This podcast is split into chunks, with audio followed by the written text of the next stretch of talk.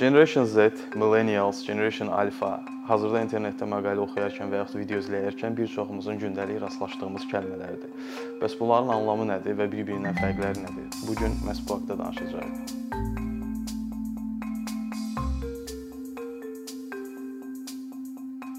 Məsələyə ümumi yanaşdığımızda nəsillərin araşdırılması, onların davranışlarının öyrənilməsi daha çox sosioloqların araşdırma predmetidir. Lakin məsələ mediada daha çox reklamçılar, marketoloqlar və reklam araşdırması, bazar araşdırması şirkətləri tərəfindən qabardılıbdır. Səbəb isə sadədir. Çünki marketoloqlar istehlakçıları qrup halında öyrənmək, onların davranışlarını izləmək və nəticə etibarilə marketinq xərclərini optimallaşdırmaq istəyirlər. İstənilən bir şirkət hər hansı bir məhsul və ya xidmət bazara təqdim etməmişdən öncə müştəri davranışlarını izləyir. Lakin hazırda haqqında danışdığımız nəsillər haqqında nəzəriyyə ilk dəfə William Strauss və Neil Hoover tərəfindən yaradılmış Strauss-Hoover Generation Theory adlanan bir nəzəriyyədir. İlk dəfə onlar bu nəzəriyyəni Nəsillər adlı kitablarında 1991-ci ildə çap etmişlər. Müəlliflərin fikrincə insan həyatı uşaqlıq, gənclik, yetkinlik və yaxud orta yaş və eyni zamanda qocalıq kimi 4 mərhələdən ibarətdir. Müəlliflər düşünürlər ki, insan öz həyatında hər 20-25 ildən bir yeni bir era başlayır. Eyni zamanda tarixi hadisələrə də baxdıqda görürük ki, məhz 20-25 ildən bir böyük hadisələr təkrarlanır. Hazırda ən çox populyar olan, haqqında danışılan Z nəsli, X nəsli və yaxud da ki, Y nəslidir. Ancaq lap əvvələ tarixin əvvəlinə biraz səyahət etsək görərik ki, ilk dəfə araşdırılan nəsil The Lost Generation adlanan dilimizdə tərcümədə itmiş və yaxud da ki, itkin düşmüş bir nəsil adlanır. Bu nəslin nümayəndələri 1880-ci və 1901-ci illər aralığında dünyaya gəlmiş insanlardır, hansıların ki, yetkinlik və gənclik dövrü 1914-cü ildə başlamış 1-ci Dünya müharibəsinə təsadüf edib. Təəssüflər olsun ki, bu nəslin nümayəndələrinin böyük əksəriyyəti həm 1-ci Dünya müharibəsində, həm də 1929-cu ildə Amerikada olmuş böyük böhran dövründə tələf olmuşlar və həyatdan köçmüşlər. Daha sonra ardınca gələn nəsil isə the greatest generation möhtəşəmlik anlamında ən böyük nəsil adlanır. Bunların bu tiplə adlanmasının səbəbi isə odur ki, bu insanlar həm 2-ci Dünya savaşında, həm böhran dövründə əzablara, ağrılara tab gətirmişlər, daha çox müharibəni atlamış veteranlardır və hətta Amerika jurnalistlərindən biri bu adı açıqlayarkən belə bir ifadə vermişdi ki, bunlar daha çox Hitler, Mussolini rejimlərinə qarşı mübarizə aparmışlar və eyni zamanda Yapon kamikadzələrin hücumlarından sağ çıxan insanlardır. Sonra bunun ardınca gələn nəsil isə the silent generation, dilimizdə daha çox səssiz və yaxud susqun nəsil adlanan bir dövrdir. Bu insanlar daha çox 1928 və 1946-cı il dövründə aralığında anadan olmuş insanlardır. Bu insanlara hətta qərb mətbuatında bəzən lucky few, yəni xoşbəxt və yaxud da ki, bəxti gətirmiş azlıq da adlandırırlar. Səbəb isə odur ki, dövrün ən qaynar hadisələri olan 2-ci Dünya müharibəsi və yaxud da ki, böyük böhran dövrləri bunların uşaqlıq və yaxud da ki, çox kiçik yaşlarına təsadüf elədiyi üçün onlar bu dövrü bir növ atlatdılar. Hətta bunlar o dövrü yaşasalar belə uşaqlıq dövrü olduğu üçün çox da yadlarında qalmadı.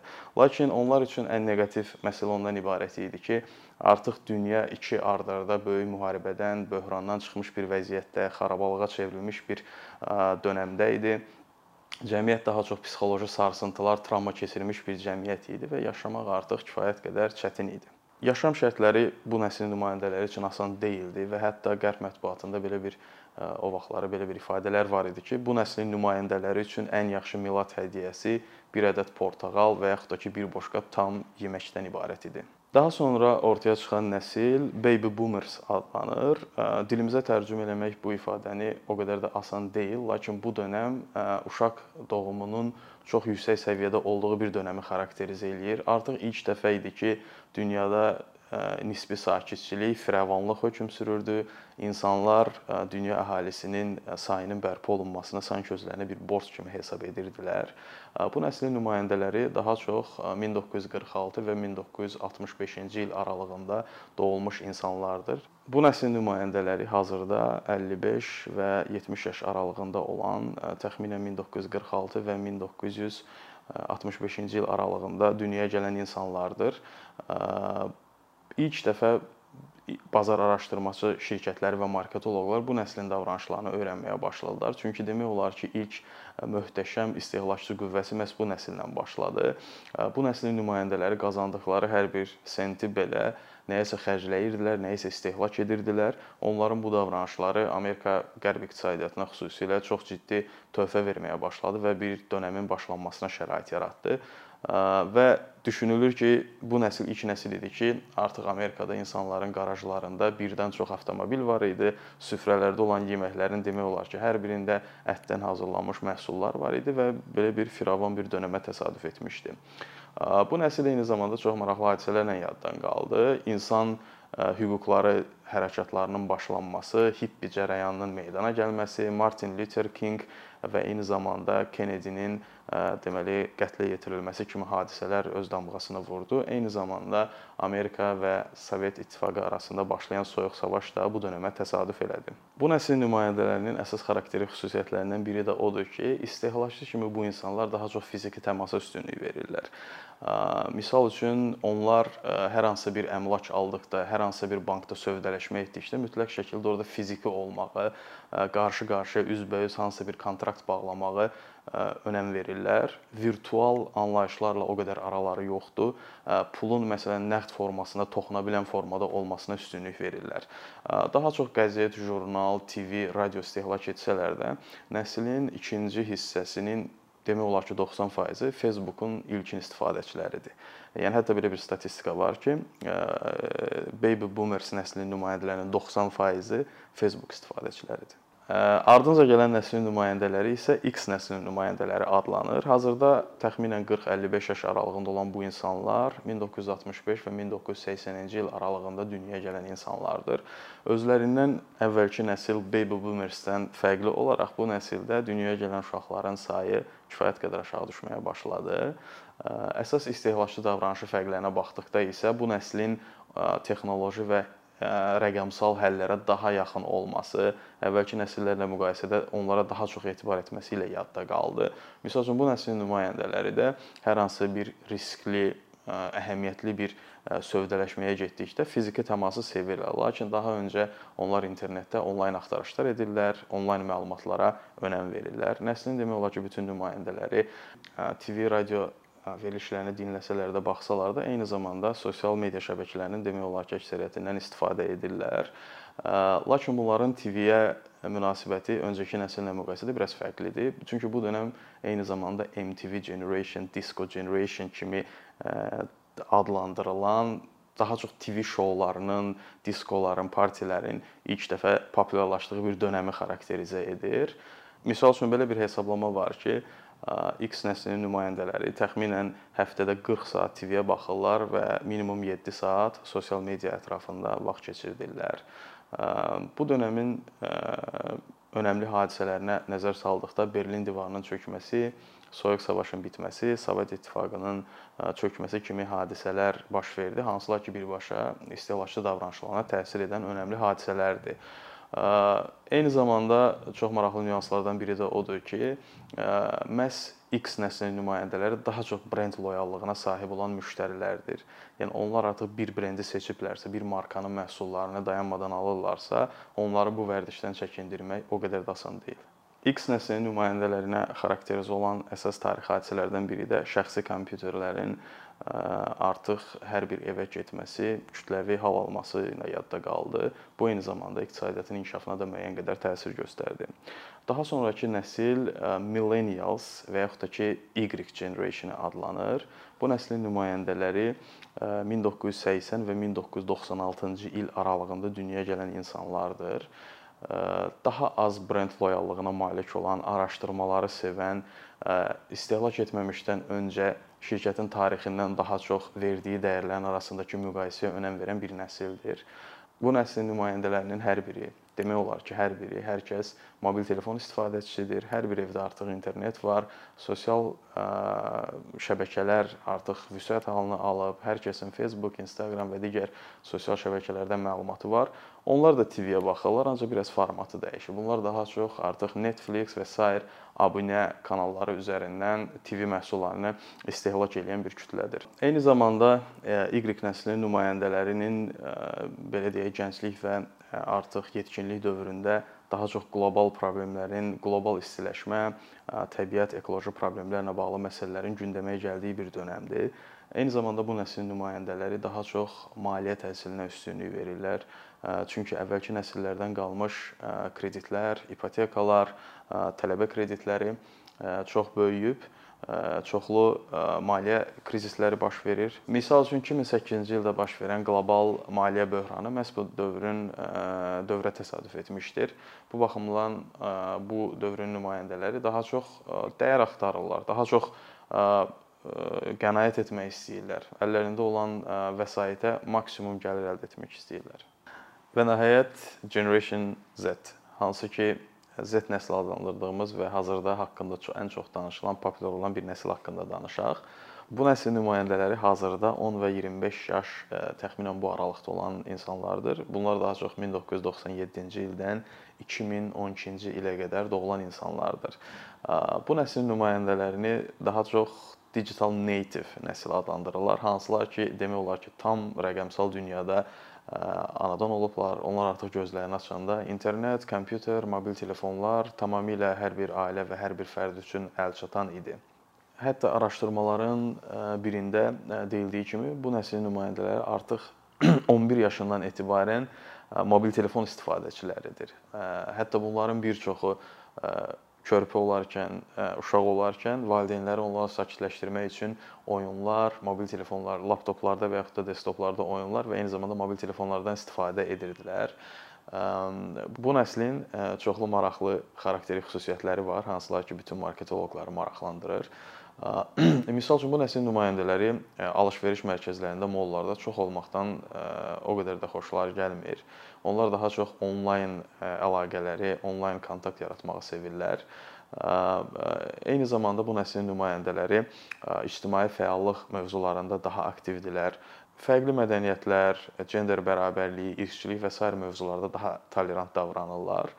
Maraqlı xüsusiyyətlərdən biri də odur ki, bu nəslin nümayəndələri öncəki nəsillə müqayisədə daha az deməli spirtli içkilər qəbul edirlər və bu onların həyatına pozitiv təsir göstərir. Ancaq neqativ tərəf ondan ibarətdir ki, inanılmaz dərəcədə çox mobil telefon istifadə edirlər. Screen time adlandırdığımız yəni ekranın aktiv olma müddəti gündəlik minimum 3 saatdır. Ən çox stress, ən çox depressiyalar, özlərini çox yalnız hiss etmə, tək hiss etmə bu nəslə xarakterik bir xüsusiyyətlərdir. Bunlar da məhz özünə qapanmaq, hər bir şeyi onlaynda tapmaq, çoxlu oyunlar oynamaq, oyunlara qarşı aludəçilik bu tipli məqamlardan irəli gəlir. Məhz təsadüfi deyil ki, şirkətlərin əksəriyyəti də bildiyimiz mobil tətbiqlər, onlayn veb saytlar üzərindən gamification adlandırılan mexanizmlər üzərindən qurulan həllərdən daha çox istifadə edirlər ki, məhz bu nəslin nümayəndələrini cəlb edə bilsinlər. Eyni zamanda bu nəslin nümayəndələri sosial media hesablarına baxdığımızda Instagram və ya TikToku Facebook-dan və ya digər ənənəvi sosial media şəbəkələrindən daha üstün tuturlar. Eyni zamanda Internet of Things adlandırdığımız bütün ətrafımızda olan əşyaların ağıllı texnologiya belə deyək, modelində bir-biri ilə əlaqəli olduğu bir dünyada yaşayırlar. Yəni bu nəslin nümayəndələri artıq vərdiş halına alıblar ki, insan evində də iş masasında olan kompüterdə də, oturduğu avtomobildə də bütün onu əhatə edən məlumatları bir nöqtədən bulut texnologiyası üzərindən əldə edə bilsin. İnternetə çıxış çox asan olsun, mobil telefon vasitəsilə hər bir şeyi həyata keçirə bilsinlər. Lakin Z nəsli haqqında danışacağımız ən son nəsil deyil. 2012-ci ildən dünyaya gəlmiş və 2025-ci ilə qədər davam edəcək, hal-hazırda təxminən 9-10 yaşlarında olan artıq uşaqlar, bunlar Generation Alpha, yəni alfa nəsli adlandırılırlar. Fikir verdinizsə də daha öncəki nəsillər, məsəl üçün X nəsli, Y nəsli, Z nəsli bu artıq latin əlifbasının sonlarına doğru gedən bir ardıcıllıq idi. Məhz yeni nəslin alfa adlandırılması bildiyimiz kimi alfa Yunan əlifbasında ilk hərfdir. Tam yeni bir dövrün başlanmasından xəbər verir. Çünki məhz bu nəslin nümayəndələri 21-ci əsrdə dünyaya gəlmiş uşaqlardır. Hesablamalara əsasən ə, ehtimal olunur ki, 2025-ci ildə alfa nəslinin nümayəndələri təxminən 2 milyard ə, insan təşkil edəcək. Alfa nəslinin tamamilə texnoloji və rəqəmsal bir dünyada olmasını xarakterizə edən maraqlı nüanslardan biri də odur ki, bu nəslin ilkin nümayəndələrinin doğulduğu tarix, yəni 2010-2012 dövrlərində dünyada maraqlı hadisələr baş verdi texnoloji yenilik baxımından. Məsəl üçün Instagram ilk dəfə təqdim olundu, ilk iPad təqdim olundu və mobil tətbiqlərin daha çox vüsət alması baş verdi. Alfa nəslinin nümayəndələrinə özəl olan xassiyyətlərdən və yaxud da xüsusiyyətlərdən biri də ondan ibarətdir ki, artıq onlar uşaq yaşlarından texnoloji həllərlə əhatə olunmağa vərdiş ediblər. Məsəl üçün daha çox qərb ölkələrində hardakı yaşam səviyyəsi orta və yaxud da ortadan yüksəkdir. Burada artıq onlar smart home adlandırdığımız konseptdə böyüyürlər.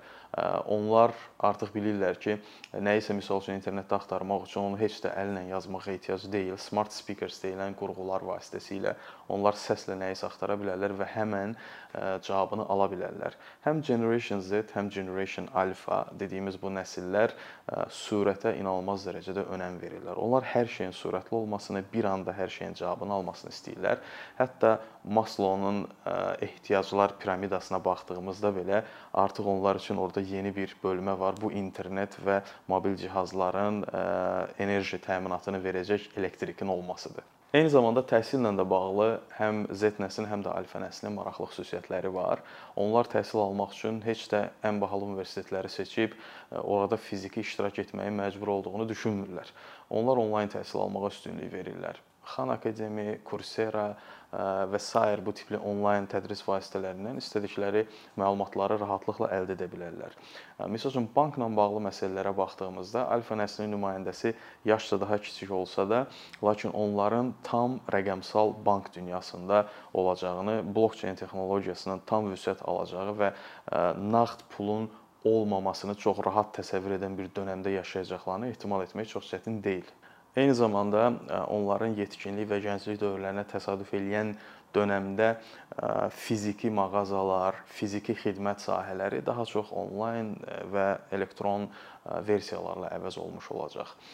Lakin bu nəsli qarşıda gözləyən ən böyük çətinliklər qlobal istiləşmə, ekoloji problemlər, qida çatışmamazlığı, pandemiya və sair bu tipli böyük fəlakətlərdir.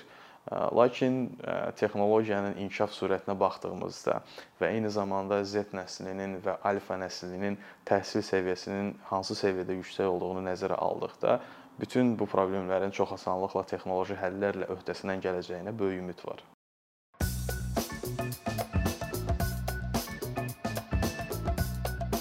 Bir neçə ildir ki, əkinçi olaraq Azərbaycanlı izləyicilərin hər zaman faydalana biləcəyi keyfiyyətli və ən əsas ödənişsiz kontent hazırlamağa çalışırıq. İndiyədək təqdim etdiyimiz onlarla animasiya və yüzlərlə çəkilişlər tələbələrin, mütəxəssislərin, müəllimlərin və ümumiyyətlə yeni mövzulardan xəbərdar olmaq istəyən çox sayda insanın marağına səbəb olub. Bu illər ərzində hazırladığımız videolar təhsil, texnologiya, ictimai fəallıq, iqtisadiyyat, gender bərabərliyi, ətraf mühit, ifadə ifadə azadlığı, hüquq, demokratik inkişaf, mədəniyyət və digər mövzuları əhatə edib. Məqsədimiz çoxlu baxış gətirən deyil, çoxlu fayda gətirən videolar hazırlamaqdır. Amma bu düşündüyümüz qədər asan deyilmiş. Gördüyümüz iş kifayət qədər resurs, əmək və təbii ki, davamlılıq tələb edir. Bu səbəbdən Patreon platformasından istifadəyə başladıq. Əkinçinin Patreon hesabının populyarlaşmasına çox böyük ümidlərimiz və gözləntilərimiz var.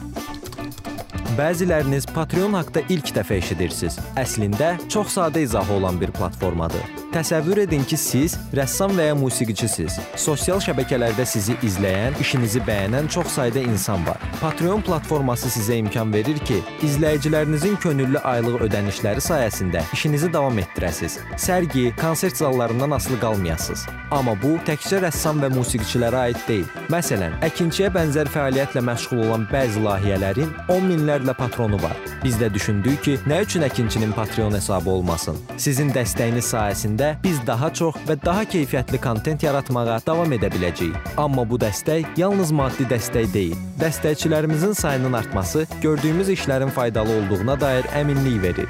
Patreon platformasından istifadə çox sadədir. Hesabınızı açırsınız, sizə uyğun dəstək növünü seçirsiniz və Patreon özü hər ayın ilk günü kartınızdan seçdiyiniz dəstək növünə uyğun ödəniş tutur. Bu qədər.